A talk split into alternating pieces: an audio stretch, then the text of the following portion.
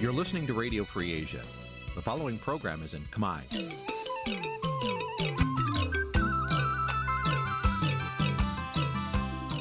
Nǐ ជាកម្មវិធីផ្សាយ Vuthu Azizi Serai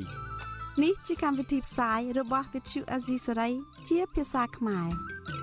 Vuthu Azizi Serai សូមស្វាគមន៍លោកអ្នកនាងទាំងអស់ពីរដ្ឋធានី Washington នៃសហរដ្ឋអាមេរិក ចាប់ពីរដ្ឋធានី Washington នាងខ្ញុំម៉ៅសុធានីសូមជម្រាបសួរលោកអ្នកស្ដាប់ទាំងអស់ជាទីមេត្រីចាយើងខ្ញុំសូមជូនការផ្សាយសម្រាប់ព្រឹកថ្ងៃពុទ្ធ500ខែស្រាប ឆ្នាំខាលចត្វាស័កពុទ្ធសករាជ2566ហើយដល់ត្រូវនឹងថ្ងៃទី17ខែសីហា គ្រិស្តសករាជ2022ជាដំបូងនេះសូមអញ្ជើញលោកអ្នកនាងកញ្ញាស្ដាប់ព័ត៌មានប្រចាំថ្ងៃដែលមានមេត្តាដូចតទៅ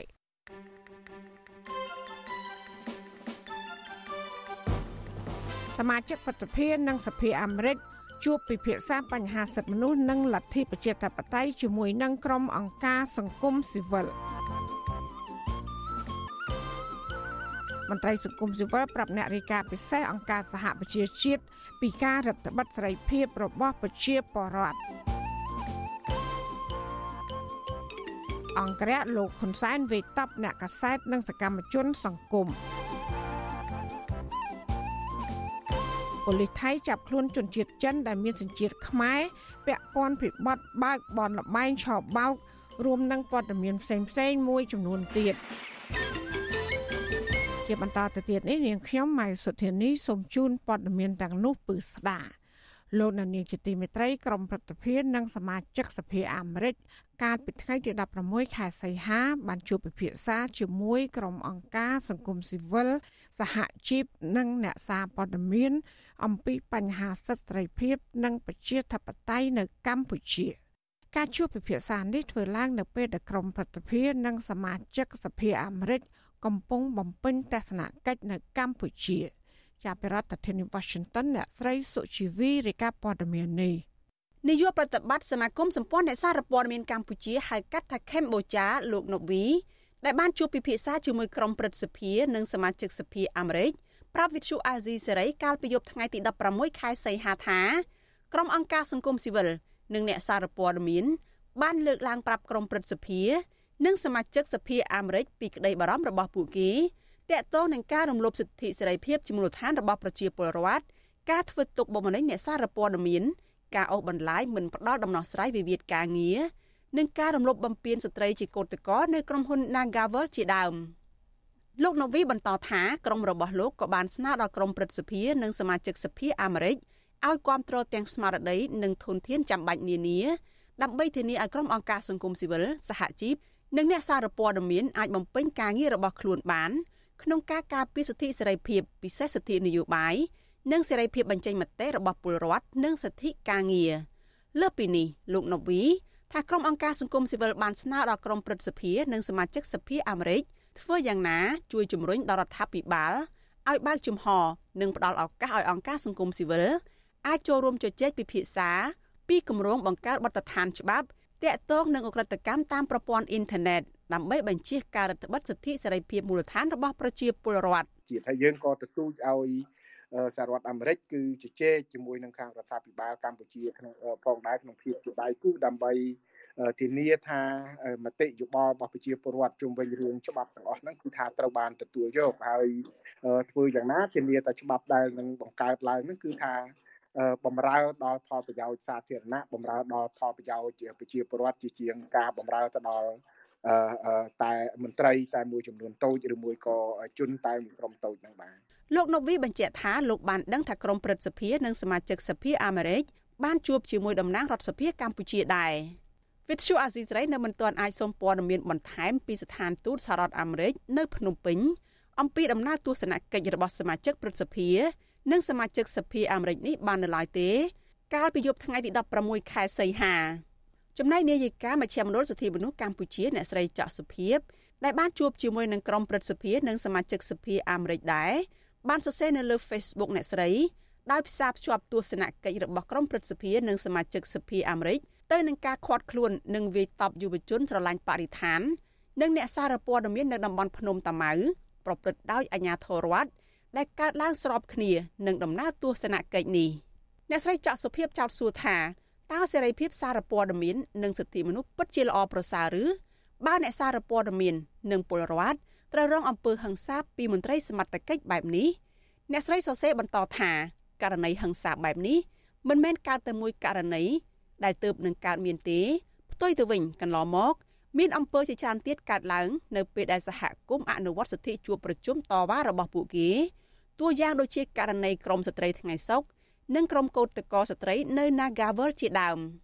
ដំណើរទស្សនកិច្ចរបស់ក្រមព្រឹទ្ធសភានិងសមាជិកសភាសហរដ្ឋអាមេរិកដែលទៅបំពេញទស្សនកិច្ចនៅកម្ពុជានៅពេលនេះគឺជាផ្នែកមួយនៃដំណើរទស្សនកិច្ចរបស់គណៈប្រតិភូមកពីគណៈបកទាំងពីរក្នុងរដ្ឋសភាអាមេរិកទៅតំបន់អាស៊ីក្រុមគណៈប្រតិភូនេះដឹកនាំដោយសមាជិកព្រឹទ្ធសភាលោក Edward Markey និងមានសមាជិកសភា4នាក់ទៀតគឺលោក John Garamendi លោក Allen Lowenthal លោក Don Bayer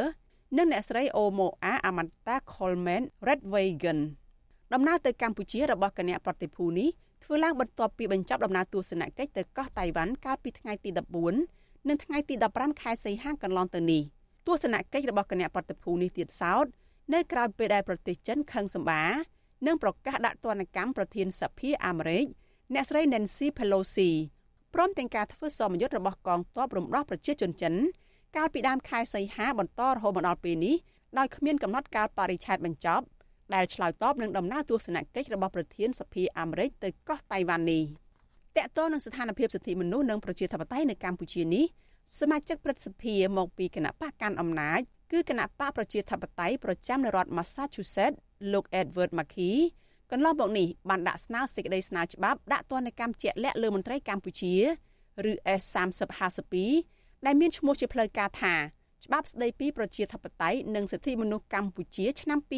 2022ដែលបច្ចុប្បន្នបានឆ្លងផុតគណៈកម្មាធិការទំនាក់ទំនងបរទេសដ៏មានឥទ្ធិពលរបស់ព្រឹទ្ធសភាអាមេរិកនិងកំពុងបញ្ជូនបន្តទៅព្រឹទ្ធសភាពេញអង្គអនុម័តនាងខ្ញុំសុជីវីវិទ្យុអាស៊ីសេរីពីរដ្ឋធានី Washington ា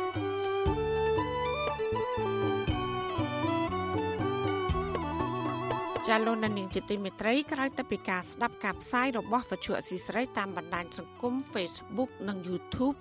លោកនាងកញ្ញាក៏អាចស្ដាប់ការផ្សាយរបស់យើង តាមរយៈរលក ធាតុអាកាសខ្លីឬ short wave ដូចតទៅចាប់ពីព្រឹកចាប់ពីម៉ោង5កន្លះដល់ម៉ោង6កន្លះគឺតាមរយៈរលកធាតុអាកាសខ្លី12140 kHz ស្មើនឹងកម្ពស់ 25m និង13715 kHz ស្មើនឹងកម្ពស់ 22m ចាសសម្រាប់ពេលយប់វិញគឺចាប់ពីម៉ោង7កន្លះដល់ម៉ោង8កន្លះគឺតាមរយៈរលកធារកាសខ្លី9960 kHz ស្មើនឹងកម្ពស់ 30m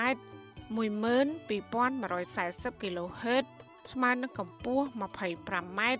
ហើយនឹង 11885 kHz ស្មើនឹងកម្ពស់ 25m ចាសសូមអរគុណ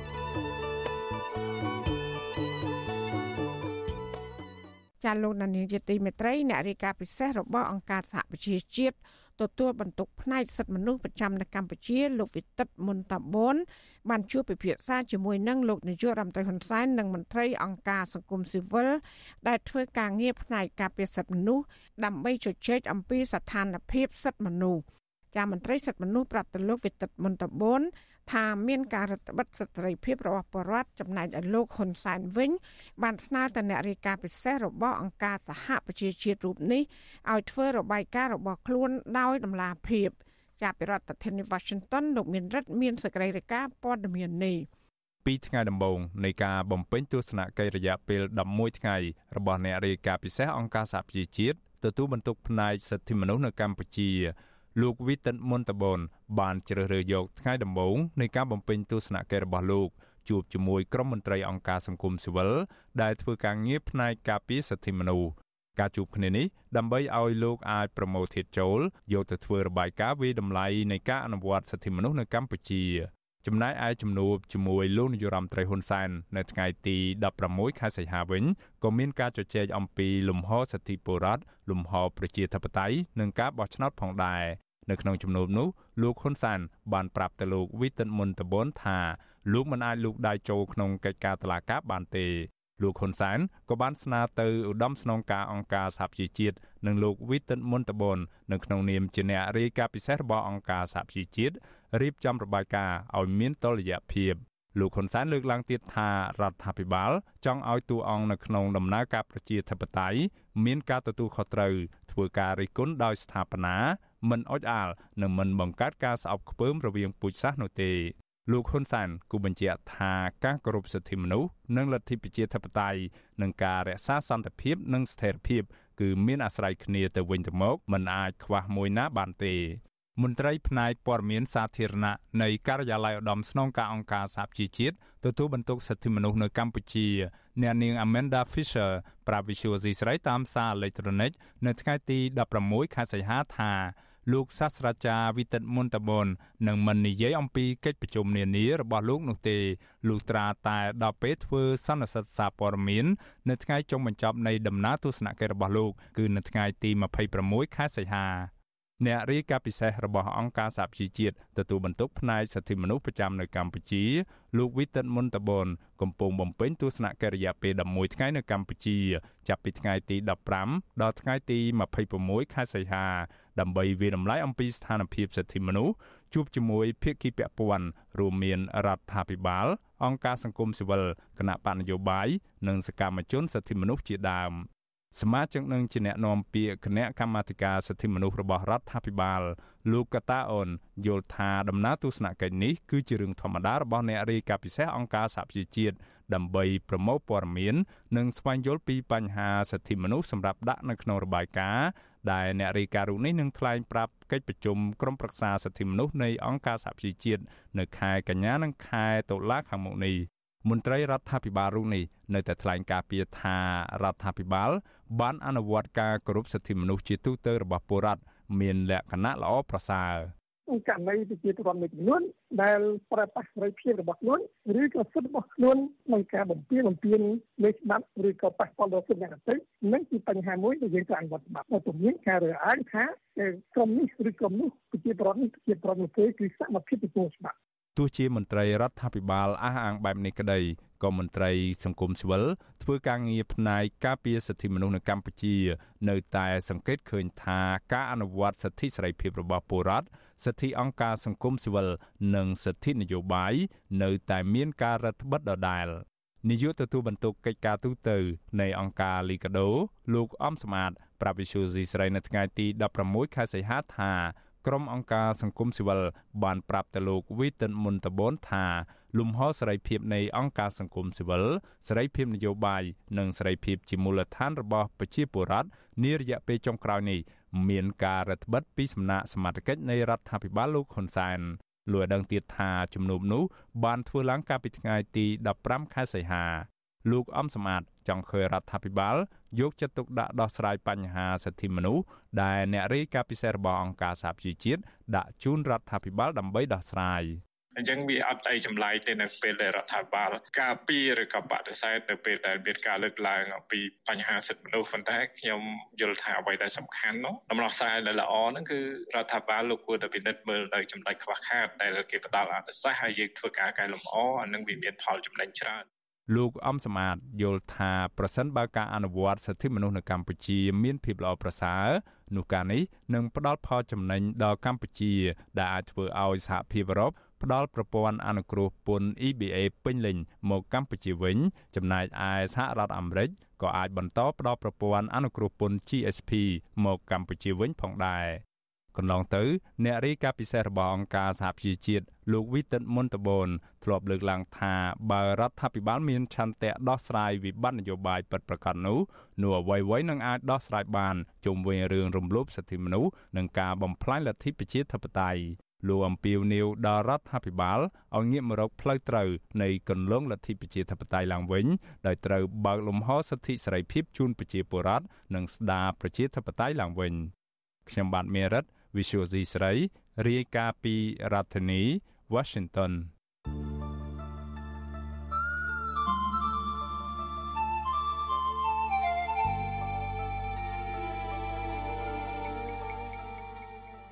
ចាលោកនាងជាទីមេត្រីនៅឯខេត្តតកែវអនុវិញសមត្ថកិច្ចត្រុកបាទីបានដោះលែងយុវជនខ្មែរថាវរៈ4នាក់និងអ្នកសារព័ត៌មានសម្លេងប្រជាធិបតេយ្យ VOD 5នាក់ទៀតកាលពីល្ងាចថ្ងៃទី16ខែសីហាក្រោយពីបានឃាត់ខ្លួនយកទៅសួរនាំនៅអធិការស្រុកបាទីអស់ជាច្រើនម៉ោងក្នុងពេលឃាត់ខ្លួននោះយុវជនម្នាក់និងអ្នកសារព័ត៌មាន VOD ម្នាក់ ក្នុងចំណោមអ្នកទាំងនោះត្រូវកងអង្គរៈលោកនាយករដ្ឋមន្ត្រីហ៊ុនសែនស្លៀកពាក់ស៊ីវិល7ហង្សានិងដកហូតទូរស័ព្ទដៃរបស់ពួកគេចាលោកយុនសមៀនមានសេចក្តីរាយការណ៍ព័ត៌មាននេះក្រមយុវជនខ្មែរថាវរៈឲ្យដឹងថាការខាត់ខ្លួននេះក្នុងពេលដែលក្រមយុវជនខ្មែរថាវរៈកំពុងប្រមូលស្នាមមេដៃពីប្រជាសហគមន៍រស់នៅតំបន់ភ្នំតាម៉ៅដើម្បីដាក់ញត្តិស្នើឲ្យមន្ទីរកសិកម្មនិងមន្ទីរបរិស្ថានខេត្តតាកែវ បំភ្លឺរឿងខួងដីធ្វើរបងព័ទ្ធជុំវិញព្រៃដែលគេឈូសឆាយទំហំប្រមាណ600ហិកតា កាលពីពេលកន្លងទៅសមាជិកក្រុមយុវជនខ្មែរថាវរៈដែលត្រូវសមត្ថកិច្ចឃាត់ខ្លួនគឺលោកហ៊ុនវណ្ណៈប្រាប់វិទ្យុអាស៊ីសេរីថាក្នុងពេលឃាត់ខ្លួនលោក មានបរិះមៀតធំជិត10នាក់ដោយអះអាងថាពួកគេជាកងអង្គរៈលោកហ៊ុនសែនបានមកឃាត់ខ្លួន និងដកហូតទូរស័ព្ទដៃពីពួកលោក និងអ្នកសារព័ត៌មាន VOD 5នាក់ទៀតកាលពីព្រឹកថ្ងៃទី16ខែសីហា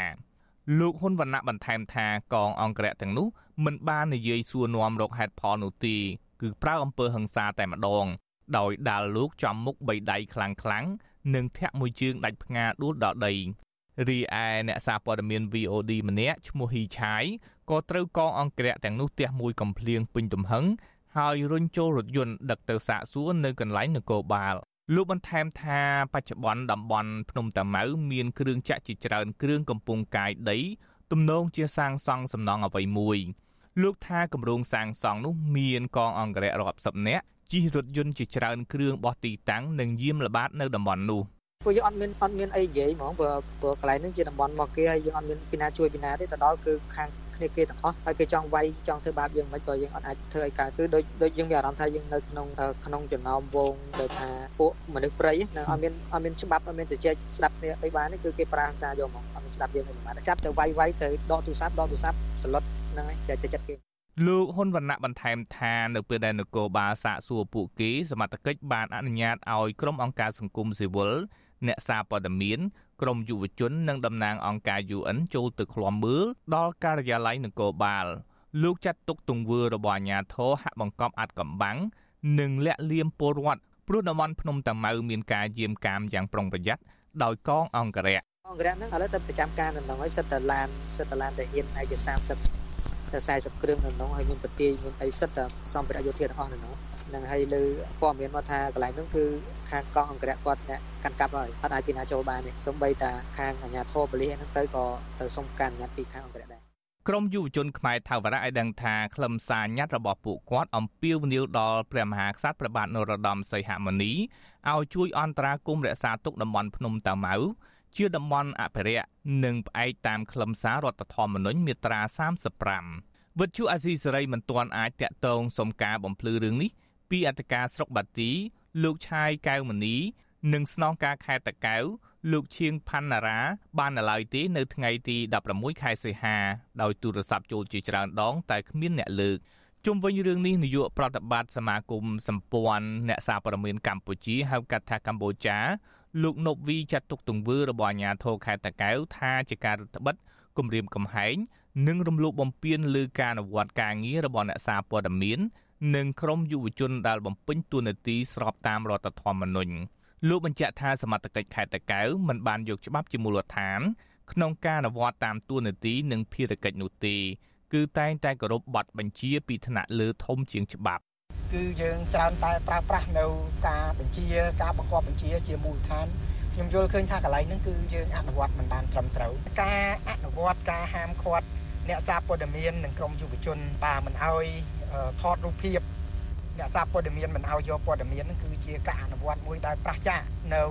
ការសម្រេចរបស់សម្ដេចនាយករដ្ឋមន្ត្រីហើយពលលោកមានតែគៀងគោឲ្យមានការដាំដើមឈើឡើងវិញពាក់ព័ន្ធទៅនឹងរឿងនេះដែរអ្នកនាំពាក្យសមាគមការពារសិទ្ធិមនុស្សអាត6លោកសង្សានករណាពន្យល់ថាការប្រើអំពើហិង្សាលើក្រមយុវជននិងអ្នកសារព័ត៌មានជាអំពើល្មើសច្បាប់ដែលទាមទារឲ្យមានការស៊ើបអង្កេតដើម្បីផ្ដន់ទាទោសតាមច្បាប់ លោកចាត់ទុកទង្វើរបស់អាជ្ញាធរខេត្តតាកែវនិងកងអង្គរៈថាជាអំពើរំលោភសិទ្ធិមនុស្សធ្ងន់ធ្ងរខ្ញុំយុនសាមៀនវិទ្យុអាស៊ីសេរីប្រធានាធិបតី Washington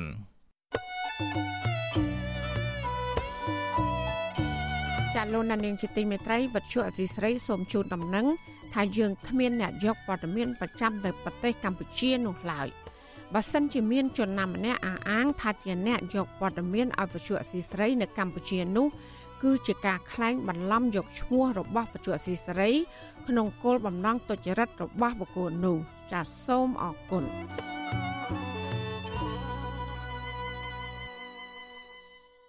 លោកនាងជាទីមេត្រីពាក់ព័ន្ធនឹងសកម្មជនគណៈបកសង្គ្រោះជាតិវិញសាលាអូតូរាជធានីភ្នំពេញកាលពីថ្ងៃអង្គារម្សិលមិញនេះបានបើកសវនាការកាត់ក្តីសកម្មជនទាំង13នាក់នោះដែលត្រូវបានសាលាដំបងរាជធានីភ្នំពេញកាត់ក្តីឲ្យជាប់ពន្ធនាគារក្នុងម្នាក់ម្នាក់5ឆ្នាំពីបទចោទរួមគំនិតក្បត់ និងញុះញង់ឲ្យឲ្យអនុវត្តទោស3ឆ្នាំ8ខែ ប្រពន្ធសកម្មជនដែលកំពុងជាប់ឃុំនិយាយថាប្តីរបស់ពួកគាត់មិនបានប្រព្រឹត្តកំហុសដោយជាការចោទប្រកាន់របស់តុលាការឡើយហើយទាមទារឲ្យសាលាអូតូទម្លាក់បទចោទមកលើប្តីរបស់ពួកគាត់ចាចំណែកមេធាវីការពីក្តីសកម្មជនសង្គ្រោះជាតិថ្លែងថាកន្លងមកតឡាការគ្មានភ័ស្តុតាងជាក់លាក់ណាមួយ ដែលបញ្ជាក់ថាកូនក្តីរបស់ខ្លួនញុះញង់ឬក៏រួមកំណត់ក្បត់នោះឡើយ ចានេះគឺជាសកម្មភាពរបស់លោកយ៉ងច័ន្ទតារាជំនាញព័ត៌មាននេះដូចតទៅសវនាការសាឡាឧទ្ធរលើសកម្មជនគណៈបកសង្គ្រោះជាតិទាំង13នាក់នៅថ្ងៃទី16ខែសីហាបានធ្វើឡើងរយៈពេលពេញមួយថ្ងៃដោយប្រធានគណៈប្រឹក្សាជំនុំជម្រះលោកយុនណារងបានសួរចម្លើយផ្ដោតសំខាន់អំពីប្រវត្តិការងាររបស់សកម្មជនគណៈបកសង្គ្រោះជាតិម្ដងម្នាក់ម្ដងម្នាក់ ក្រោយបញ្ចប់សវនាការសួរដេញដោលនេះសាឡាឧទ្ធរនឹងប្រកាសសាលដីកាសំណុំរឿងនេះនៅថ្ងៃទី13ខែកញ្ញាខាងមុខប្រពន្ធសកម្មជនគណៈបកសង្គ្រោះជាតិលោកសុនធុនគឺលោកស្រីសេងចន្ទថនប្រាប់វិទ្យុអាស៊ីសេរីថាលោកស្រីនៅតែទទូចសុំឲ្យសាឡាវធរទម្លាក់ចោលបទចោតប្រកាន់ហើយដោះលែងប្តីលោកស្រីនិងសកម្មជននយោបាយផ្សេងផ្សេងទៀតឲ្យមានសេរីភាពវិញជាមួយគ្នានេះលោកស្រីសំណូមពរដល់បណ្ដាទូតប្រទេសប្រជាធិបតេយ្យ អង្គការជាតិនិងអន្តរជាតិជួយជំរុញដល់រដ្ឋាភិបាលឲ្យដោះលែងប្តីរបស់លោកស្រីផងពីព្រោះគាត់មានសុខភាពទ្រុឌទ្រោមដោយមានជំងឺហើមមួយកំណាត់ក្រោមហើយស្ពឹកស្មាផ្នែកខាងស្ដាំចាប់រូបគាត់ដាក់ពន្ធនាគារហ្នឹងគឺជាការមើលគម្រាមកំហែងបំបត្តិសិទ្ធិសេរីភាពគាត់ហើយជាពិសេសគឺអ្នកចាប់បាយដែលកំពុងជាប់ឃុំទាំងអស់ហ្នឹងតែម្ដងជាមួយគ្នានេះ មេធាវីការពីក្តីឲ្យសកម្មជនគណៈបកប្រឆាំងលោកសំសុគង្គយល់ឃើញថាការកាត់ទោសលើកូនក្តីរបស់លោកទាំង13នាក់នេះគឺមិនយុត្តិធម៌ឡើយពីព្រោះភ័ស្តុតាងដែលបានដាក់បន្ទុកលើកូនក្តីរបស់លោកទាំងឡាយកន្លងមកនោះមិនបានបង្ហាញអំពីចេតនាណាមួយតាក់ទងទៅនឹងការចង់ផ្ដួលរំលំរដ្ឋាភិបាលឬបង្កឲ្យមានភាពវឹកវរធ្ងន់ធ្ងរដល់សន្តិសុខសង្គមឡើយមេធាវីរូបនេះបន្ថែមថា ការបង្ហោះសារលើបណ្ដាញសង្គមរបស់សកម្មជនគណៈបកសង្គ្រោះជាតិគឺគ្រាន់តែជាការបញ្ចេញមតិប៉ុណ្ណោះហើយសកម្មជនទាំងនោះមិនមានផែនការធ្វើសកម្មភាពក្រោមរចនាសម្ព័ន្ធចាត់តាំងណាមួយដោយតុលាការចោទប្រកាន់នោះទេលោកយល់ឃើញថាតុលាការគួរតែដោះលែងកូនក្តីរបស់លោកដើម្បីលើកកម្ពស់សេរីភាពនយោបាយឡើងវិញ តាក់ទងចោតពីបទរួមកំណត់ក្បត់វាអត់ចូលនឹងគិតផ្សំណាគិតផ្សំហ្នឹងគឺគឺទាមទារឲ្យមានគេហៅថាគម្រោងផែនការជារួមជាក្រុម ហើយទៅតែមានប្រព័ន្ធទំនាក់ទំនងគ្នារវាងអ្នកបង្កើតផែនការហ្នឹងហើយនិងអ្នកអនុវត្តហើយដែលកលាការចោទថាជាបណ្ដាញចំណាត់ហ្នឹងប៉ុន្តែយើងលើនៅក្នុងក្នុងរឿងរឿងសួរទៅវាអត់ចូលឃើញផងសារដែលមានបណ្ដាញចំណាត់នៅក្នុងហ្នឹងណាវិទ្យុអាស៊ីសេរីមិនអាចតាក់ទងប្រធានសាឡាវធរភ្នំពេញលោកយូប៊ុនលេងដើម្បីសុំការអធិប្បាយអំពីសំណុំរឿងនេះបានទេនៅថ្ងៃទី16ខែសីហាដោយទូរស័ព្ទចូលតែពុំមានអ្នកទទួលគិតមកដល់ពេលនេះ សកម្មជនគណៈបកសង្គ្រោះជាតិទាំង13នាក់បានជាប់ពន្ធនាគារអស់រយៈពេលជាង2ឆ្នាំមកហើយតុលាការក្រុងភ្នំពេញបានសម្រេចផ្តន្ទាទោសសកម្មជនគណៈបកប្រឆាំងទាំង13នាក់រួមមានលោកកៅថៃ លោកសុនធន លោកខឹមភៀណា លោកយឹមសារ៉េតលោកជុំច័ន្ទលោកពីតម៉ាប់និងសកម្មជនមួយចំនួនទៀតដាក់ពន្ធនាគារម្នាក់5ឆ្នាំប៉ុន្តែឲ្យអនុវត្តទោសពន្ធនាគាររយៈពេល3ឆ្នាំ8ខែហើយទោសដែលនៅសល់ត្រូវបានព្យួរជុំវិញរឿងនេះ អ្នកនាំពាក្យសមាគមការពារសិទ្ធិមនុស្សអាត់6លោកសឹងសានករណាយល់ឃើញថាសកម្មជនគណៈបកសង្គ្រោះជាតិតែងតែត្រូវបានអាជ្ញាធរនិងប្រព័ន្ធតុលាការធ្វើទុកបុកម្នេញបន្ទាប់ពីគណៈបកមួយនេះត្រូវបានរំលាយកាលពីឆ្នាំ2017មកលោកថ្លែងទៀតថាករណីចោតប្រកាន់មកលើសកម្មជនគណៈបកសង្គ្រោះជាតិទាំង13នាក់នេះគឺជាការយាយីផ្នែកនយោបាយហើយលោកយល់ថាតុលាការគួ រតែដោះលែងសកម្មជនទាំងនោះឲ្យមានសេរីភាពវិញដើម្បីលើកកម្ពស់ការប្រកួតប្រជែងនយោបាយដោយយុត្តិធម៌ គួរមានការបន្ធូរបន្ថយនៅស្ថានភាពតាមតឹងផ្នែកនយោបាយដែលកម្ពុជាយើងបានរងការរិះគន់ពីសហគមន៍អន្តរជាតិនឹងយូរមកហើយហើយការដោះលែងនេះវាអាចជាការបង្ហាញទៅដល់សហគមន៍អន្តរជាតិថាកម្ពុជាពិតជាមានឆន្ទៈក្នុងការបើកនៅលំហសិទ្ធិមនុស្សហើយនិងស្ថានភាពនយោបាយនឹងពិតជាចាប់ផ្ដើមឲ្យមានភាពល្អប្រសើរហើយបច្ចុប្បន្ននេះមានសកម្មជនគណៈបកប្រឆាំង និងអ្នកបញ្ចេញមតិរិះគន់រដ្ឋាភិបាលប្រមាណ60នាក់ទៀតកំពុងជាប់ឃុំនៅពន្ធនាគារព្រៃសរពួកគេត្រូវបានចោទប្រកាន់ពីបទចោទប្រហាក់ប្រហែលគ្នាគឺបទចោទញុះញង់និងរួមគំនិតក្បត់ក្នុងនោះសកម្មជនមួយចំនួនត្រូវបានតុលាការកាត់ក្តីដាក់ពន្ធនាគារពី5ឆ្នាំទៅ7ឆ្នាំកន្លងទៅក្រុមអង្គការសង្គមស៊ីវិលជាតិនិងអន្តរជាតិព្រមទាំងទីភ្នាក់ងាររបស់អង្គការសហប្រជាជាតិផង បានចាត់ទុកក្តីក្តាំលើសកម្មជនគណៈបកសង្គ្រោះជាតិនិងអ្នកបញ្ចេញមតិរិះគន់រដ្ឋាភិបាលទាំងអស់ថាជាការធ្វើទុកបុកម្នេញផ្នែកនយោបាយពួកគេស្នើយ៉ាងទទូចឲ្យតុលាការទម្លាក់ចោលការចោទប្រកាន់និងដោះលែងជនជាប់ឃុំទាំងនោះឲ្យមានសេរីភាពវិញដោយឥតលក្ខខណ្ឌខ្ញុំយ៉ងច័ន្ទដារាវិទ្យុអាស៊ីសេរីរាយការណ៍ពីរដ្ឋធានី Washington លោកនាយកជាទីមេត្រីនៅឯខេត្តពោធិ៍សាត់តឡាការខេត្តនេះក៏បានចេញសារក្រមផ្ដន្ទាទោសកម្មជនគណៈបកភ្លើងទៀនម្នាក់ទៀត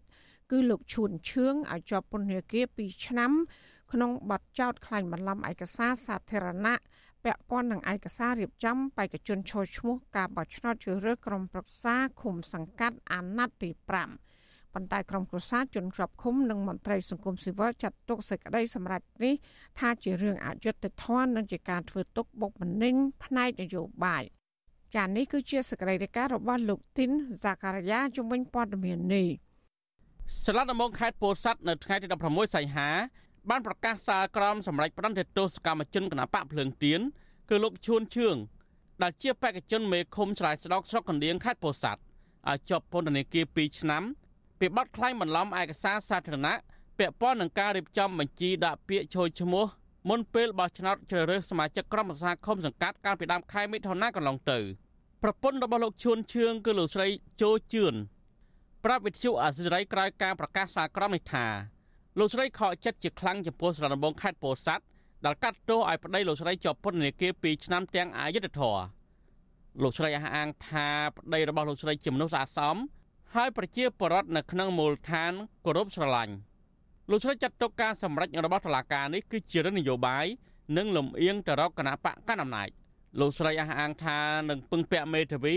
ដើម្បីដាក់ពាក្យប្តឹងជំទាស់សារក្រមនេះទៅសាលាឧទ្ធរណ៍ ខ្លែងប្លំឯកសារឯណាឯកសារគ្មានមេដៃមេអីចឹងឲ្យកាត់ទោសដល់តែ2ឆ្នាំអញ្ចឹងខ្ញុំអត់ព្រមអយុត្តិធម៌ហូបពេកទេទោសគាត់វាមិនដល់ថ្នាក់នឹងឲ្យគ្មានសាកសីឲ្យអ្នកប្តឹងនឹងក៏មិនចេញមកហើយសាកសីក៏គ្មានមកគ្រប់អញ្ចឹងខ្ញុំថាអយុត្តិធម៌ខ្ញុំខឹងខ្ញុំជាកំហឹងខ្ញុំតវ៉ាដែរខ្ញុំថាអយុត្តិធម៌ហូហេលោកស្រីចូលឈឿនឲ្យដឹងទៀតថាចាប់តាំងពីអាញាធរចាប់ប្តីលោកស្រីដាក់ពន្ធនាគារជាង5ខែមកនេះ គ្រូសាលោកស្រីប្រឈមនឹងបញ្ហាជីវភាពយ៉ាងខ្លាំងដោយគ្មានលុយឲ្យប្តីនិងបង់ថ្លៃភ្លើងឲ្យមន្ត្រីពន្ធនាគារប្រចាំខែខណៈប្តីលោកស្រីមានជំងឺរបេងនិងជំងឺថេតាណូសដែលត្រូវព្យាបាលនិងមើលថែជាប្រចាំពីគ្រូសាជាចាំបាច់វិទ្យុអាស៊ីសេរីមិនអាចតតងแนะនាំពាក្យស្លាប់ដំបងខេត្តពោធិ៍សាត់លោកហេងដូនីនដើម្បីសុំបញ្ជាក់អំពីបញ្ហានេះបានទេនៅថ្ងៃទី16សីហាចាប់តាំងពីខែមិនិនាដល់ពេលនេះអាជ្ញាធរខេត្តពោធិ៍សាត់ បានចាប់ខ្លួនសកម្មជនគណបកភ្លើងទៀនដាក់ពន្ធនាគារចំនួន4នាក់ហើយក្នុងនោះលោកឈួនឈឿងជាបេក្ខជនមេឃុំឆ្លើយស្ដោកស្រុកកណ្ដៀងនិងលោកអុកសាវរិន ជាបេក្ខជនក្រុមប្រឹក្សាឃុំអន្សំចម្បក់ស្រុកក្រកោដោយតុលាការផ្តន្ទាទោសពួកគាត់ម្នាក់ម្នាក់ចំនួន2ឆ្នាំពីបទក្លែងបន្លំឯកសារសាធារណៈទាក់ទងនឹងការរៀបចំបញ្ជីបេក្ខជនចូលឈ្មោះសម្រាប់ការបោះឆ្នោតឃុំសង្កាត់កាលពីថ្ងៃទី5មិថុនាកន្លងទៅ។ ចំណែកលោកហែមឆិលជាបេក្ខជនក្រុមប្រឹក្សាខុំស្យាស្រុកកណ្ដៀងនិងកូនប្រុសអាយុ15ឆ្នាំម្នាក់វិញត្រូវតុលាការចាប់ប្រកាន់ពីបទប្រើប្រាស់ឧបករណ៍នេសាទខុសច្បាប់ប៉ុន្តែក្មេងប្រុសឈ្មោះពុំដារាវ៉ាន់ត្រូវបានសាលាដំបងខេត្តពោធិ៍សាត់ដោះលែងពីពន្ធនាគារវិញកាលពីថ្ងៃទី5ឧសភាកន្លងទៅរីឯលោកហែមឆិលត្រូវបានសាលាឧទ្ធរខេត្តបាត់ដំបងចេញសាលដីកាសម្រេចដោះលែងឲ្យនៅក្រៅឃុំបណ្ដោះអាសន្នកាលពីថ្ងៃទី21កក្កដា អ្នកនាំពាក្យគណៈកម្មាធិការជាតិរៀបចំការបោះឆ្នោតលហុងពុធាប្រាប់វិទ្យុអសិរ័យថាកូនជបមិនមានការស៊ើបអង្កេតស្វែងរកការពិតទាក់ទងនឹងករណីខ្លាយបន្លំឯកសាររបស់សកម្មជនគណៈបកភ្លើងទីនេះទេប៉ុន្តែលោកយល់ថាសារក្រមនេះផ្អែកលើអង្គហេតុនិងអង្គច្បាប់វាមិនមែនស្ថិតនៅលើសម្ដីរបស់អ្នកណាមួយទេគឺត្រូវមានអង្គហេតុអង្គច្បាប់ត្រឹមត្រូវអញ្ចឹងការសម្រេចថាជាប់ពាក់ព័ន្ធនឹងការខ្លាយឯកសារនេះខ្ញុំជឿថា វាអាចមានផលតាងច្បាស់លាស់ហើយបានតែមានការចាត់ប្រកាន់ណាបាទទោះជាយ៉ាងណាអនុប្រធានគណៈបកភ្លើងទៀនខេត្តពោធិ៍សាត់លោកយ៉ានសេងហូតថ្លែងថាសេចក្តីសម្រេចរបស់តុលាការនេះមិនបានផ្ដល់យុត្តិធម៌និងមិនអាចទទួលយកបានទេពីព្រោះលោកឈួនឈឿងមិនបានប្រព្រឹត្តខុសច្បាប់អ្វីឡើយលោកបញ្ជាក់ថាលោកឈុងឈឿងបានចុះបំពេញការងារអំឡុងពេលរៀបចំបញ្ជីបេក្ខជនចូលឈ្មោះគណៈបកភ្លើងទៀននៅឃុំស្រែស្ដុកកន្លងមកត្រឹមត្រូវតាមច្បាប់ មិនដោយការសម្រេចរបស់សាលាដំបងនេះទេលោកចាត់ទុកករណីនេះគឺជាការគម្រិតកំហែងលើសកម្មជននយោបាយដែលនឹងអាចប៉ះពាល់ដល់ដំណើរការបោះឆ្នោតជ្រើសតាំងតំណាងរាស្ត្រនៅពេលខាងមុខថែមទៀតយល់ឃើញថាវាមានភាពអយុត្តិធម៌ហើយគិតថាជាការកាត់ទោសឬកាត់ក្តីពាក់ព័ន្ធទៅនឹងរឿងនយោបាយច្រើនជាងការអនុវត្តច្បាប់ព្រោះសំណុំរឿងរបស់លោកជន់ឈឿងគឺជាសំណុំរឿងមួយដែលកើតឡើងមុនការបោះឆ្នោតឃុំ ជំវិញនឹងរឿងនេះអ្នកសម្រាប់សម្រួលនៃអង្គការលីកាដូប្រចាំខេត្តពោធិ៍សាត់លោកចឹកចត្រាថ្លែងថាលោកសង្ស្ដាយចំពោះសារក្រមនេះលោកយល់ថាសំណុំរឿងរបស់លោកឈួនឈឿងគឺជារឿងនយោបាយមិនមែនជាការអនុវត្តច្បាប់នោះឡើយលោកអះអាងថាសវនាការជំនុំជម្រះក្តីនេះពុំមានសាកសីជុំបំភ្លឺនិងភ័ស្តុតាងដាក់បន្ទុកហើយដំណើរការអនុវត្តនីតិវិធីទៀតសោតហាក់មានភាពមិនប្រក្រតីលោកបារម្ភថាការសម្រេចបែបនេះនឹងប៉ះពាល់ដល់សិទ្ធិសេរីភាពជាមូលដ្ឋានរបស់ប្រជាពលរដ្ឋ ក្នុងការចូលរួមសកម្មភាពនយោបាយចំពោះរឿងនេះការប្រន្ទាទោសនេះយើងឃើញថាវិជាការរដ្ឋបတ်សិទ្ធិសេរីភាពរបស់សកម្មជន របស់គណៈបកភ្លឹងទីននៅតាមមូលដ្ឋានពីសំណាក់អាជ្ញាធរក៏ដូចជាខាងបកកណ្ដាលអំណាចផ្ទាល់តែម្ដងកាលពីដើមខែឧសភាសមាជិកសភាអឺរ៉ុបដ៏ច្រើនលើសលប់បានបោះឆ្នោតអនុម័តញត្តិមួយថ្កោលទោសលើហ៊ុនសែន និងទាមទាររដ្ឋាភិបាលកម្ពុជាបញ្ឈប់ការយាយីគ្រប់រូបភាពលើការអនុវត្តសិទ្ធិសេរីភាពរបស់ពលរដ្ឋនិងត្រូវដោះលែងអ្នកជាប់ឃុំដោយសាររឿងនយោបាយ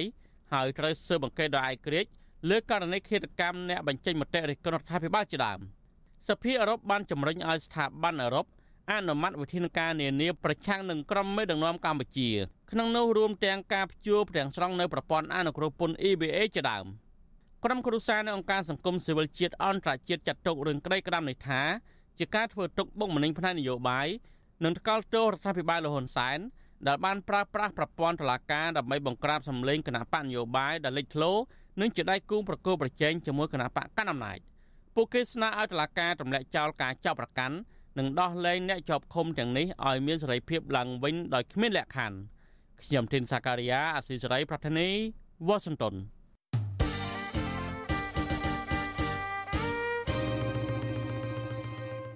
ចាលោកនាងជាទីមេត្រីកសិករធ្វើស្រែនៅស្រុកបាណន់ខេត្តបាត់ដំបងត្អូញត្អែពីជីវភាពរស់នៅលំបាកហើយថាពួកគេត្រូវច្រូតស្រូវទាំងមិនតាន់ទុំការត្អូញត្អែនេះធ្វើឡើងនៅបន្ទាប់ពីស្រូវរបស់ពួកគាត់ត្រូវបានទឹកលិចប្រឈមនឹងការខូចខាតទាំងស្រុងបើមិនច្រូតយកមកទុក ចាសង្គមស៊ីវិលយល់ឃើញថាអាញាធរគួរតែយកចិត្តទុកដាក់និងមានផែនការការពារហានិភ័យផ្សេងផ្សេងនៅពេលបរដ្ឋធ្វើស្រែនិងស្វែងរកទីផ្សារជូនកសិករចាប់ពីរដ្ឋធានី Washington លោកសេកបណ្ឌិតរាយការណ៍ព័ត៌មាននេះកសិករនៅឃុំតាក្រៀមស្រុកបាណន់ចង់ឃើញអាជ្ញាធរគិតគូរពីជីវភាព និងផ្ដល់ទុនដល់ពួកគាត់ជាបន្ទាន់ក្រោយពេលដែលអាងកំពីងពួយជន់លិច បណ្ដាលឲ្យស្រូវខូចខាតអស់រាប់រយហិកតាខណៈអាជ្ញាធរមិនទាន់យកចិត្តទុកដាក់ដោះស្រាយចំពោះទុកកង្វល់របស់ប្រជាកសិករនៅឡើយនោះទេកសិករម្នាក់នៅឃុំតាក្រៀមលោកយុនច័ន្ទធូប្រាប់បទសុអសីសេរីនៅថ្ងៃទី16សីហាថាឆ្នាំនេះលោកប្រឈមនឹងវិបត្តិសេដ្ឋកិច្ចគ្រួសារជាខ្លាំងពីព្រោះតម្លៃស្រូវធ្លាក់ចុះលក់ខាតនិងជួបប្រទះបញ្ហាទឹកលិចស្រែជាដើម។ លោកថាតម្លៃស្រូវលិចទឹករបស់លោកលក់បានតែតម្លៃ3800បាត ឬប្រហែល123ដុល្លារក្នុងមួយតោនហើយស្រូវទុំល្អតម្លៃប្រមាណ6800បាតក្នុងមួយតោនលោកយុនច័ន្ទធូបញ្ជាក់ទៀតថាលោកត្រូវចំណាយប្រាក់ក្នុង1ហិកតា ជាង10000បាត ឬប្រហែលជា323ដុល្លារសម្រាប់ចំណាយលើពូជជីនិងការថែទាំរហូតដល់ពេលប្រមូលផល។ ទោះបីគេទិញក៏ដោយមិនទិញក៏ដោយតម្លៃថ្លៃថោកប៉ុណ្ណាក៏ត្រូវតែលក់ហើយពីព្រោះអីទឹកឡើងលិចហ្នឹងបងបើយើងមិនជ្រូតនេះចោលនេះនេះពងជ្រូតមកពងជ្រូតតទៀតនេះទឹកព្រៀងបងពងព្រៀងខ្លាំងណាស់បើនិយាយថារឿងលំបាកវិញអត់មានពាក្យនិយាយកើតបើយើងនិយាយក្នុងនាមជាកសិករវិញចាថាលំបាកហ្នឹងវាវាហួសពីពិបាកទៀតអាលុយចងការគេធ្វើរោផងបាន3000បាតជាងបងមកតោនបាន3800បាតត្រូវយើងនឹកខៀវបងទាំងសម័យបើយើងមិនជ្រូតមានតែចោលជ្រូតវិញមានណាជ្រូតវិញបោចបោទីថាយើងបានតែចុងចុងគួរវាក្រមចុងចុងគួរហ្នឹងកសិករម្នាក់ទៀតនៅឃុំតាក្រៀមលោកពេញភឿងបានឲ្យដឹងដែរថាទឹកភ្លៀងបន្តហូរធ្លាក់ពីព្រំដែនហូរមកអាងកំពីងពួយនាំឲ្យលិចស្រូវលោកប្រមាណ25ហិកតាកសិកររូបនេះឲ្យដឹងថាលោកធ្វើស្រែចំនួន25ហិកតា ហើយលោកបង្ខំចិត្តច្រូតស្រូវទាំងនោះទាំងមិនទាន់ទុំល្អបានប្រមាណ50%ប៉ុណ្ណោះលោកពេញភឿងឲ្យដឹងថាកាលពី2ឆ្នាំមុនតម្លៃស្រូវមិនលើសគ្នាប៉ុន្មាននោះទេតែខុសគ្នាត្រង់ថា កាលពីឆ្នាំមុនមុនតម្លៃជីតម្លៃប្រេងនិងតម្លៃទំនិញនៅលើទីផ្សារសមរម្យហើយគ្មានទឹកជន់លិចស្រែនោះឡើយ។ វាស្រូវនៅខៀវ50%ទាំងកំពុងឲ្យចូលក្នុងខៀវហ្នឹងហើយបាទវាខាតហ្នឹងបងខាតហ្នឹងឯងយើងទី1ឆ្នាំនេះវាមិនសិតក៏ថ្លៃឆ្នាំក៏ថ្លៃជីក៏ថ្លៃតែមិនសិនចុះក៏ថ្លៃនឹងរួចខ្លួនដងព្រោះស្រូវយើងវាត្រូវលក់បាន60ជាងឬ70ជាងអញ្ចឹងបើដូចស្រូវថ្ងៃបាន60ជាងអញ្ចឹងពេលយើងលក់បាន30ជាងហ្នឹងបងដំបូងគេថាគេឲ្យគេឲ្យមកចូលរួចបានគេទៅចូលក្នុងអង្គពីពួយហ្នឹងតែពេលហើយបានតែមួយថ្ងៃជាងគេបើកមកចូលទៀតទៅឥឡូវទឹកអង្គពីពួយវាខ្លាចប៉ះខ្វល់ឥឡូវគេប្រកាសសនបាទ កសិករដែលរងគ្រោះដោយទឹកលិចស្រែឲ្យដឹងទៀតថាក្រោយពីកើតហេតុការណ៍នេះឡើងលោកមិនឃើញអាជ្ញាធរមកសាកសួរប្រជាពលរដ្ឋអំពីការខូចខាតស្រូវដោយសារទឹកចំនួននោះឡើយតើតើនឹងបញ្ហានេះមេឃុំតាក្រៀមលោកនៃពៅប្រាប់បទសុអសីស្រីថា នៅឃុំតាក្រៀមគ្មានស្រែពលរដ្ឋលិចទឹកឡើយលោកបន្តថារដ្ឋាភិបាល និងក្រសួងធនធានទឹកមិនហាមឃាត់ពលរដ្ឋដែលអាស្រ័យផលនៅក្នុងអាងកំពីងពួយដើម្បីរកប្រាក់ចំណូលនោះឡើយ ព្រោះតំបន់នោះមានទឹកគ្រប់គ្រាន់លោកនៃពៅបញ្ជាក់ថាលោកមិនទាន់មានរបាយការណ៍ពីចំនួនពលរដ្ឋដែលចូលទៅដាំដុះក្នុងអាងកំពីពួយនោះឡើយទេជាប្រវត្តិឃើញតែធ្វើពេញក្នុងអាងរដ្ឋបេហាមទេណាដងចំដាំងឈូក ណាចង់ធ្វើស្រែក៏ធ្វើទៅមានទីខ្លះទៅគាត់ធ្វើបានច្រើនជាងអាលិចធម្មតាដីអាងតែទឹកអាងចេញអស់ដូចដីស្រែគោកនាំគ្នាទៅដាំឈូកនាំគ្នាទៅដាំស្រូវដើម្បីអាស្រ័យផលទៅគាត់ដាំខែប្រាំងចឹងទៅដល់ពេលទទួលធ្វើទៅវាចូលដល់អាខែកសាហ្នឹងទៅទឹកជន់ពីលើខ្លាំងមកវាតាមបន្លាយនឹងមកខ្លាំងមកវាទៅជាលិចទៅមានពេលខ្លះទឹកអត់ជន់ទៅវាអត់លិចគាត់បានផលដែរឆ្នាំមុនគាត់បានផលនៅការហុំ7 8តោនគាត់បានលក់ស្រូវច្រើនច្រើនណាដោយសារឆ្នាំមុនវាអត់ទៅមានទឹកភ្លៀងណាជុំវិញរឿងនេះអតីតមន្ត្រីក្រសួងកសិកម្មលោកនីណាយល់ឃើញថាកន្លងមកប្រជាពលរដ្ឋដែលធ្វើស្រែនៅមាត់អាងកំពីងពួយជួបប្រទះបញ្ហានេះគឺគ្មានដំណោះស្រាយអ្វីក្រៅពីរងចាំឲ្យទឹកស្រកទៅវិញនោះទេលោកបន្តថាក្រសួងកសិកម្មនិងក្រសួងពាណិជ្ជកម្មគួរតែជួយដល់ប្រជាពលរដ្ឋនៅក្នុងចំណែកណាមួយបើទោះបីមិនអាចជួយបានទាំងអស់យ៉ាងណាក្តីព្រោះបញ្ហានេះគឺជាការទទួលខុសត្រូវរបស់រដ្ឋាភិបាល។ លោកនេះអ្នកបន្ថែមថាកសិករដែលដាំស្រូវក្នុងតំបន់ទឹកច្រើន គួរតែប្រើពូជស្រូវធន់នឹងទឹកបើទោះបីជាប្រភេទស្រូវនេះមានតម្លៃមិនសូវថ្លៃក៏ដោយប៉ុន្តែកសិករអាចរកចំណូលបានដោយមិនខាតបង់ប្រាក់កាស ការផលិតរបស់គាត់គឺគាត់ប្រឈមមុខនឹងហានិភ័យច្រើនណាទោះបីគាត់ដឹងថាធ្វើនៅក្នុងបឹងក្នុងបន្លាយនឹងងាយនឹងទឹកលិចតែជាជំរើសរបស់គាត់គាត់ត្រូវទៅធ្វើបើគាត់ធ្វើបានផលហើយឲ្យកសិផលបែរជាលក់ក្នុងតម្លៃមួយដែលធ្វើឲ្យគាត់ខាតអញ្ចឹងវិស័យកសិកម្មរបស់យើងគឺកាន់តែជួបហានិភ័យច្រើនដោយប្រជាពលរដ្ឋនឹងត្រូវតែបោះបង់មុខរបរកសិកម្មនឹងទៅធ្វើអីផ្សេងយោបល់ខ្ញុំជាចំណែកទួលខុសត្រូវរបស់សម័យក្រសួងជាពិសេសក្រសួងកសិកម្មក្រសួងធនធានទឹកនឹងទីដីនឹងធំបើសិនជាមិនមានការយកចិត្តទុកដាក់ទុកឲ្យប្រជាពលរដ្ឋរងគ្រោះក៏រងគ្រោះទៅបានផលក៏បានផលទៅអញ្ចឹងការងារទំនួលខុសត្រូវរបស់ក្រសួងកសិកម្មនិងក្រសួងធនធានទឹកក្រសួងពាណិជ្ជកម្មហ្នឹងគឺអត់យកចិត្តទុកដាក់ទៅលើសុខទុក្ខរបស់ប្រជាពលរដ្ឋទេកន្លងមកបញ្ហាកង្វះទីផ្សារលក់ផលិតផលរបស់កសិករមិនមែនកើតឡើងតែនៅក្នុងខេត្តបាត់ដំបងប៉ុណ្ណោះទេកសិករនៅទូទាំងប្រទេសមានការត្អូញត្អែផ្សេងផ្សេងគ្នា អំពីកង្វះទីផ្សារលក់កសិផលដូចជាដំណាំកៅស៊ូម្រេចស្រូវដំឡូងពោត និងទុរេនជាដើមក៏ប៉ុន្តែពួកគាត់បានត្អូញត្អែអំពីជីឡើងថ្លៃប្រេងឡើងថ្លៃចំណីសត្វឡើងថ្លៃនិងទំនិញនៅលើទីផ្សារសពសារពើបានឡើងថ្លៃជាដើមអ្នកជំនាញនិងកសិករស្នើយ៉ាងទទូចដល់រដ្ឋាភិបាលនិងស្ថាប័នពាក់ព័ន្ធឲ្យរៀបចំគោលនយោបាយធានានៅតម្លៃកសិកម្មបញ្ចុះតម្លៃថ្នាំនិងជីកសិកម្មនិងប្រេងសាំងជាចាំបាច់ដើម្បីជួយលើកស្ទួយជីវភាពរបស់ពួកគាត់ឲ្យប្រសើរឡើងវិញ ពួកគាត់ព្រួយបារម្ភថាបើបញ្ហាទាំងនេះរដ្ឋាភិបាលមិនយកមកដោះស្រាយឲ្យទាន់ពេលវេលានោះទេនឹងធ្វើឲ្យប៉ះពាល់ធ្ងន់ធ្ងរដល់ជីវភាពកសិករទូទាំងប្រទេសហើយធ្វើឲ្យពួកគេបាត់បង់ដីស្រែចម្ការ កូនចៅធ្វើចំណាក់ស្រុកនិងជំពាក់បំណុលកាន់តែច្រើនឡើងថែមទៀតខ្ញុំបាទសេកបណ្ឌិតវិទ្យុអាស៊ីសេរីពីរដ្ឋធានីវ៉ាស៊ីនតោនលោកដានៀងកញ្ញាកំពុងស្ដាប់ការផ្សាយរបស់វិទ្យុអាស៊ីសេរីផ្សាយចេញពីរដ្ឋធានី Washington ចំណែកប្រជាកសិករនៅឯខេត្តត្បូងឃ្មុំឯនោះវិញក៏បានត្អូញត្អែផងដែរពីតម្លៃម្រេចធ្លាក់ថ្លៃយ៉ាងខ្លាំងហើយថាផលិតផលលក់បានប្រាក់មិនគ្រប់ទូទាត់ថ្លៃជីថ្នាំសាំងហើយនឹងថ្លៃជួកម្មករដែលធ្វើឲ្យពួកគាត់មានបញ្ហាដោះស្រាយជីវភាពក្នុងគ្រួសារហើយបន្ថែមពីនេះគឺគ្មានប្រាក់បង់សងធនាគារតើមានបញ្ហាអ្វីបានជាកសិករខ្លះចង់បោះបង់មុខរបរដាំម្រេចនេះ ចាសសេចក្តីរាយការណ៍ពីស្ដាមពីរឿងនេះលោកណានៀងក៏នឹងបានស្ដាប់នាពេលបន្តិចទៀតនេះចាសសូមអរគុណ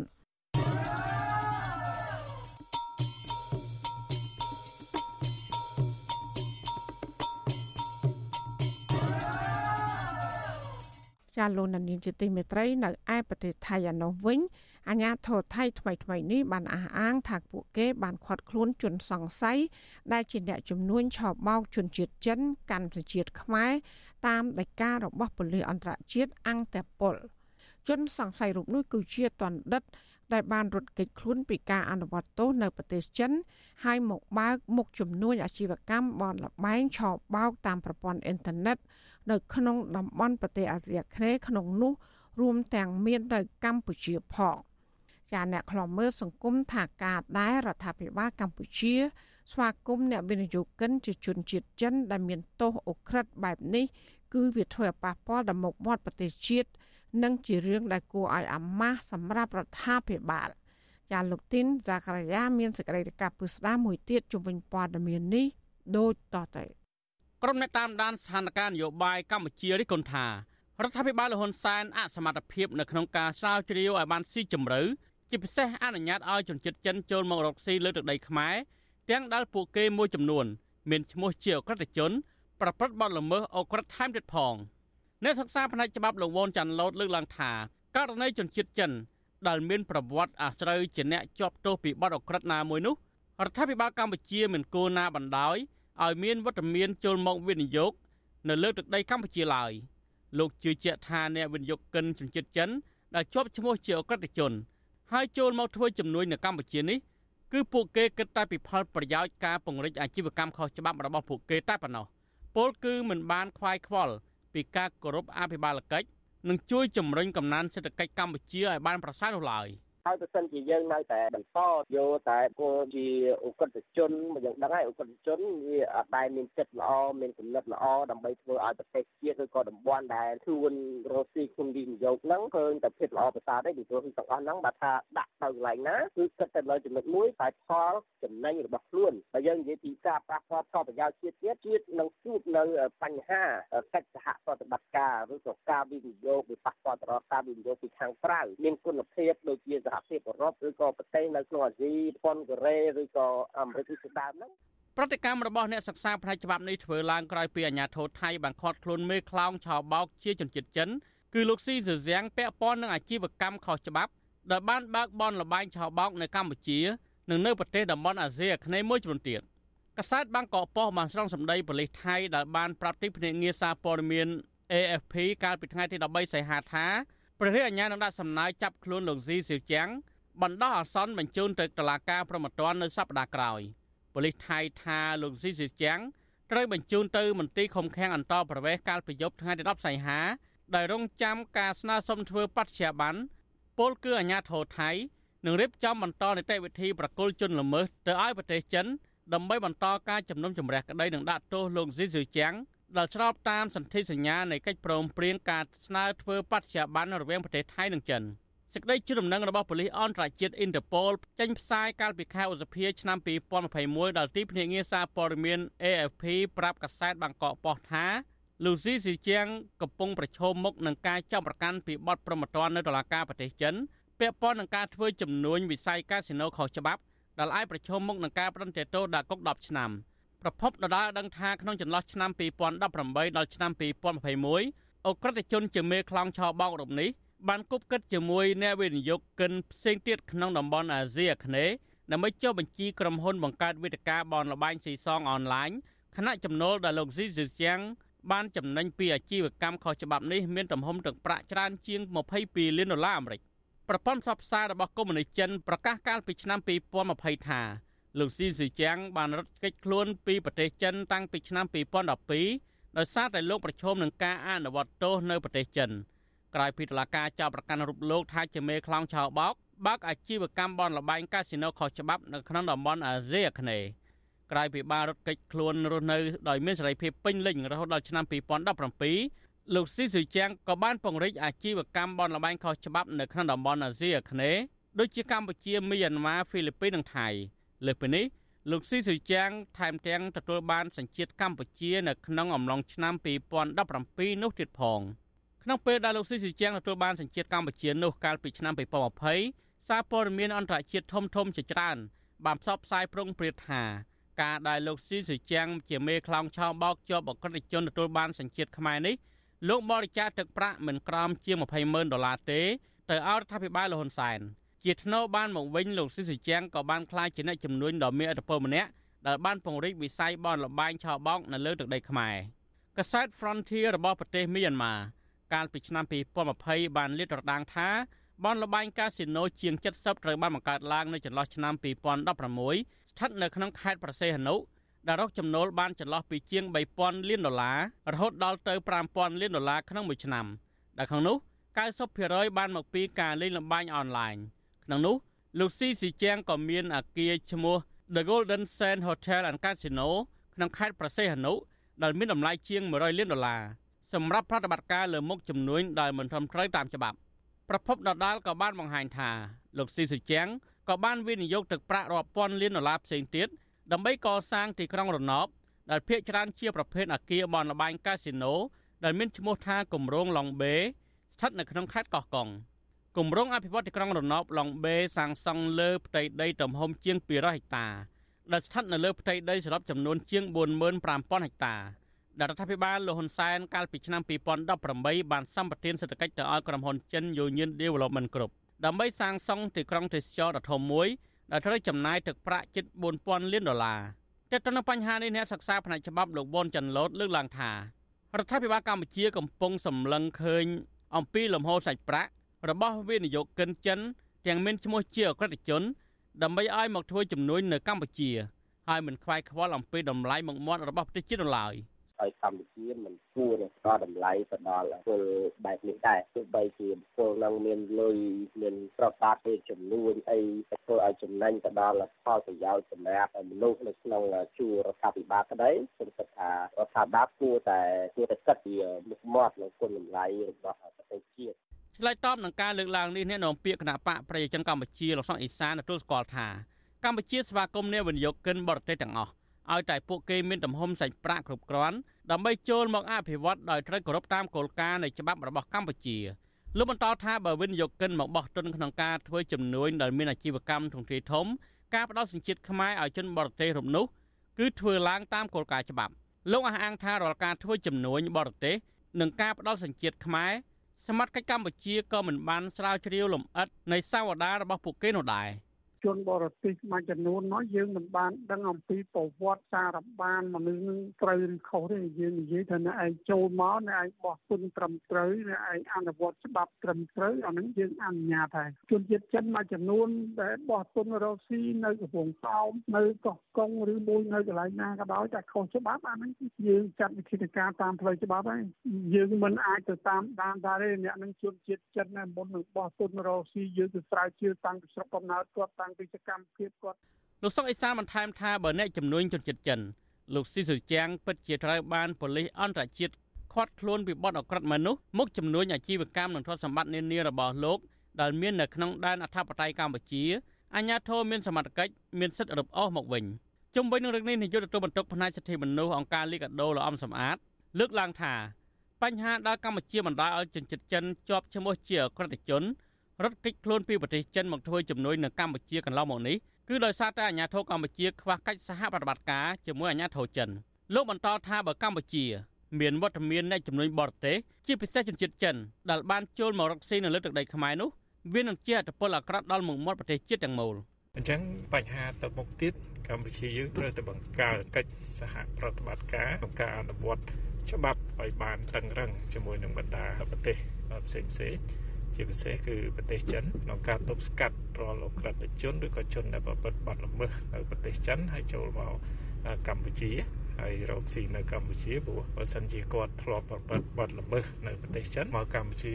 យើងគាត់អាចនឹងប្រព្រឹត្តបទល្មើសដូចគ្នាកម្ពុជាក្រោមការដឹកនាំរបស់លោកហ៊ុនសែនគឺលោកបានចាត់ទុកជនជាតិចិនថាជាអ្នកជួយកសាងប្រទេសជាតិ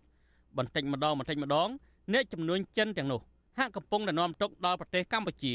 និងប្រជាពលរដ្ឋ តាមរយៈបើកអាជីវកម្មមិនស្របច្បាប់របស់ពួកគេនៅលើទឹកដីខ្មែរជាពិសេសនារយៈពេលចុងក្រោយនេះរដ្ឋាភិបាលលហ៊ុនសែននិងក្រុមមន្ត្រីអង្គការឈ្មួញក្រាក់ក្រាក់បានរងការចាប់ប្រកាន់ធនធ្ងន់ថាកំពុងតែខົບខិតគ្នាជាមួយក្រុមអក្រិតជនជនជាតិចិនក្នុងប្រតិបត្តិការបើកចំនួនបែបអក្រិតនៅលើទឹកដីខ្មែរអ្វីបើបែបនេះក្តីក្រុមគ្រួសារតកូលហ៊ុននិងក្រុមគ្រួសារអង្គញាទាំងនោះកំពុងតែច្រវាមានបានទ្រព្យសម្បត្តិកប់ក្តោងដែលបានមកពីការធ្វើជំនួយមិនស្របច្បាប់របស់ពួកគេ ខណៈដែលកម្ពុជាកំពុងតែជាប់ឈ្មោះជាប្រទេសក្រីក្រ ហើយប្រជាពលរដ្ឋមួយចំនួនបាត់បង់ទីជម្រកនិងរកបាយសម្រាប់បរិភោគប្រចាំថ្ងៃស្ទើរតែគ្មានផងនោះខ្ញុំធីនសាការីយ៉ាអស៊ីសេរីប្រធានីវ៉ាស៊ីនតោន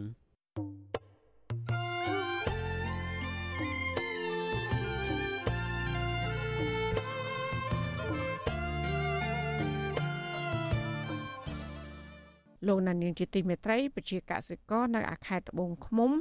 ដែលប្រកបរបរដាំម្រេចត្អូញត្អែពីតម្លៃម្រេចធ្លាក់ថ្លៃយ៉ាងខ្លាំងហើយលក់បានផលិតផលតិចតួចមិនគ្រប់គ្រាន់ទូទាត់ថ្លៃជីថ្នាំសាំង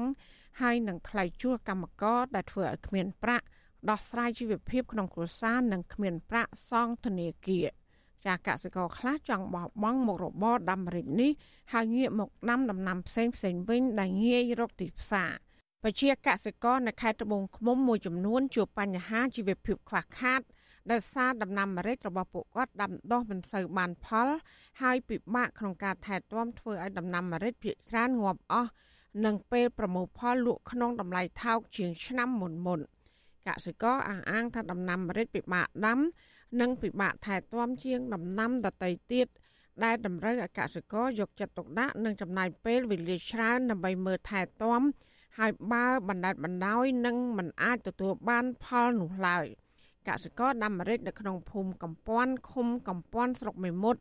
លោកថៃភៀបប្រាប់បច្ចុប្បន្នស្រីនៅរុស្ស៊ីថ្ងៃទី16ខែសីហាថាដំណាំម្រេចរបស់លោក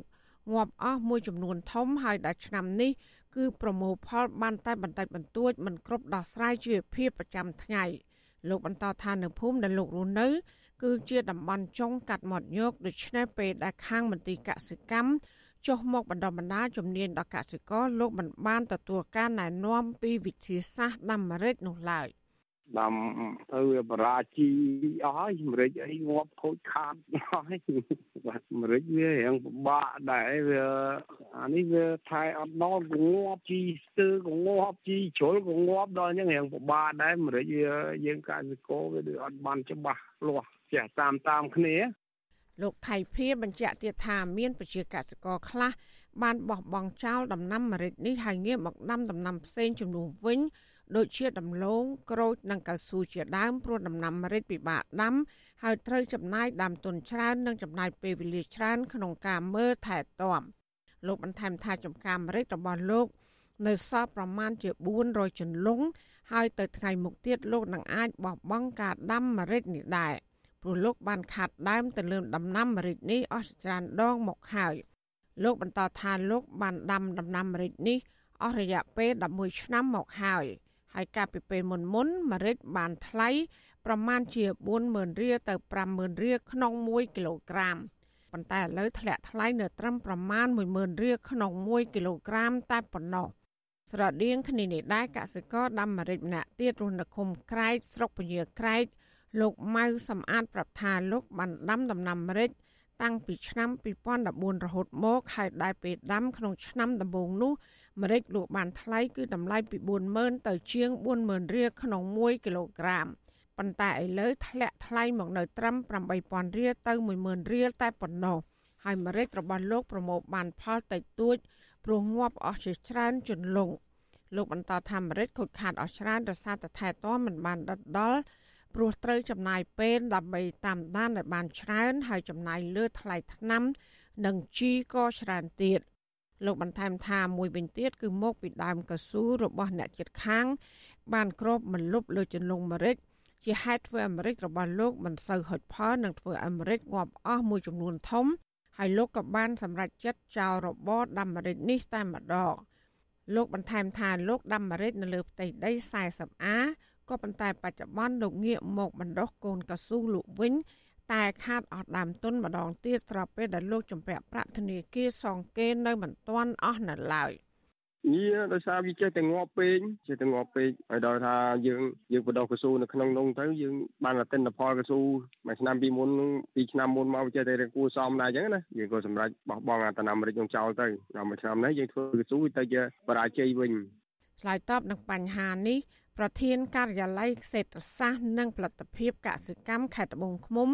លោកដុកសាវឿនលើកឡើងថាករណីដែលម្រេចរបស់ប្រជាកសិករចេះតែងាប់នោះគឺមកពីកសិករមួយចំនួនមិនទាន់បានទទួលការបណ្ដុះបណ្ដាលពីមន្ត្រីជំនាញខាងកសិកម្មហើយពួកគាត់ចេះតែដាំដុះតាមគ្នាដោយគ្មានជំនាញច្បាស់លាស់លោកថាម្យ៉ាងវិញទៀតកសិករមើលថែទាំមិនបានដិតដល់ទើបធ្វើឲ្យដំណាំម្រេចមិនសូវហុចផល លោកបញ្ជាក់ទៀតថាប៉ះសិនបើមានកសិករចង់បានការណែនាំពីខាងមន្ទីរកសិកម្មនោះខាងមន្ទីរនឹងបញ្ជូនមន្ត្រីជំនាញដើម្បីចុះទៅបង្រៀនកសិករដល់មូលដ្ឋាន។ អាការដាំដុះនៅឲ្យកសិករគាត់បោះបង់ចោលយូរហើយហើយអ្នកដែលធ្វើល្អគេនៅតែល្អអញ្ចឹងមកពីគាត់អត់ថែទាំហ្នឹងបានវាតែងាប់អីអញ្ចឹងណាហើយអ្នកដែលគេថែទាំគេនៅតែល្អអញ្ចឹងគេនៅតែបានផលលុកអញ្ចឹងឯងបាទហើយអាងាប់ហ្នឹងដោយសារគាត់អត់ថែទាំគាត់ទុកចោលបានវាងាប់ណាមិនមែនមកពីគាត់ថែទាំហើយអស់លទ្ធភាពហើយឬក៏ប៉ះបច្ចេកទេសទេអាហ្នឹងវាជាទៅនឹងកត្តាបានថាគាត់បោះបង់ចោលបានន័យថាគាត់អត់ថែទាំតែម្ដងបាទបានជាវាងាប់អញ្ចឹងបាទហើយឥឡូវនេះអាមេរិកក៏វារៀងតម្លៃក៏វារៀងគូសមមកវិញដែរអញ្ចឹងណាបាទជុំវិញរឿងនេះដែរប្រធានសម្ព័ន្ធសហគមន៍កសិករកម្ពុជាលោកថេងសាវឿនយល់ឃើញថាមន្ត្រីខាងមន្ទីរកសិកម្មតាមភូមិឃុំ គួរតែយកចិត្តទុកដាក់ឲ្យបានច្រើនក្នុងការផ្ដល់ចំណេះជំនាញដល់ប្រជាកសិករលើផ្នែកដាំដុះជាជាងមកបន្ទោសកសិករថាមិនចេះមើលថែដំណាំលោកបន្តថាបើសិនជាកសិករទទួលបានវគ្គអប់រំដាំដុះម្រេចពីមន្ត្រីជំនាញ នោះទិន្នផលម្រេចរបស់កសិករនឹងមានការកើនឡើងសម្រាប់គុតគងទីផ្សារក្នុងស្រុកនិងអាចនាំចេញទៅបរទេសបានច្រើនហើយអាចឲ្យកសិករបន្តរបរដាំម្រេចនេះបានយូរអង្វែងទៅមុខ អញ្ចឹងអាជ្ញាធរនឹងឯងដែលជាមន្ត្រីបច្ចេកទេសមន្ត្រីជំនាញត្រូវចុះធ្វើការណែនាំនិងដោះស្រាយបញ្ហាជូនដល់ប្រជាពលរដ្ឋកុំឲ្យបញ្ហារបស់គាត់នឹងត្រូវបានជាប់គៀងហើយបើសិននៅបន្ទោសថាប្រជាពលរដ្ឋយកចិត្តទុកដាក់ខ្ញុំគិតថាវាគ្រាន់តែជាការឆ្លើយមួយដើម្បីទម្លាក់កំហុសទៅលើប្រជាពលរដ្ឋហើយរុញខ្លួនឯងផុតពីទំនួលខុសត្រូវតាមពិតទំនួលខុសត្រូវខ្លាំងក្នុងការដោះស្រាយបញ្ហាទាំងអស់ហ្នឹងគឺអាជ្ញាធរនឹងឯងបាទ របាយការណ៍របស់ក្រសួងកសិកម្មរុក្ខាប្រមាញ់និងនេសាទប្រកាសថាក្នុងរយៈពេល4ខែឆ្នាំ2022គឺចាប់ពីខែមករាមកដល់ខែមេសាកម្ពុជាបាននាំចេញម្រេចចំនួនជិត4000តោនហើយបើប្រៀបធៀបរយៈពេលដូចគ្នា កាលពីឆ្នាំ2021កម្ពុជានាំចេញម្រេចកើនឡើងជិត80%ប្រភពដដែលឲ្យដឹងទៀតថាក្នុងនោះការនាំចេញទៅប្រទេសវៀតណាមគឺ មានបរិមាណច្រើនជាងប្រទេសដទៃដែលមានជិត4000តោនអាល្លឺម៉ង់ជិត300តោន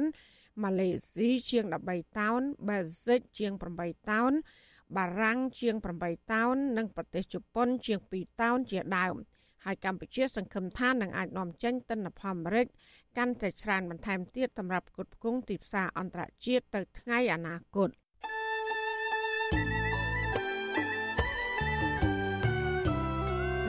កនាងកញ្ញាអ្នកស្ដាប់ទទីមេត្រីការផ្សាយរយៈពេល1ម៉ោងរបស់វិទ្យុអសីស្រីជាភាសាខ្មែរនៅពេលនេះចាប់តែប៉ុណ្ណេះយើងខ្ញុំសូមជូនពរដល់លោកនាងព្រមទាំងក្រុមគ្រួសារទាំងអស់សូមជួបប្រកបតែនឹងសេចក្តីសុខសេចក្តីចម្រើនកុំបីឃ្លៀងឃ្លាតឡើយចាននាងខ្ញុំម៉ៃសុធានីព្រមទាំងក្រុមការងារទាំងអស់របស់វិទ្យុអសីស្រីសូមអរគុណនិងសូមជម្រាបលា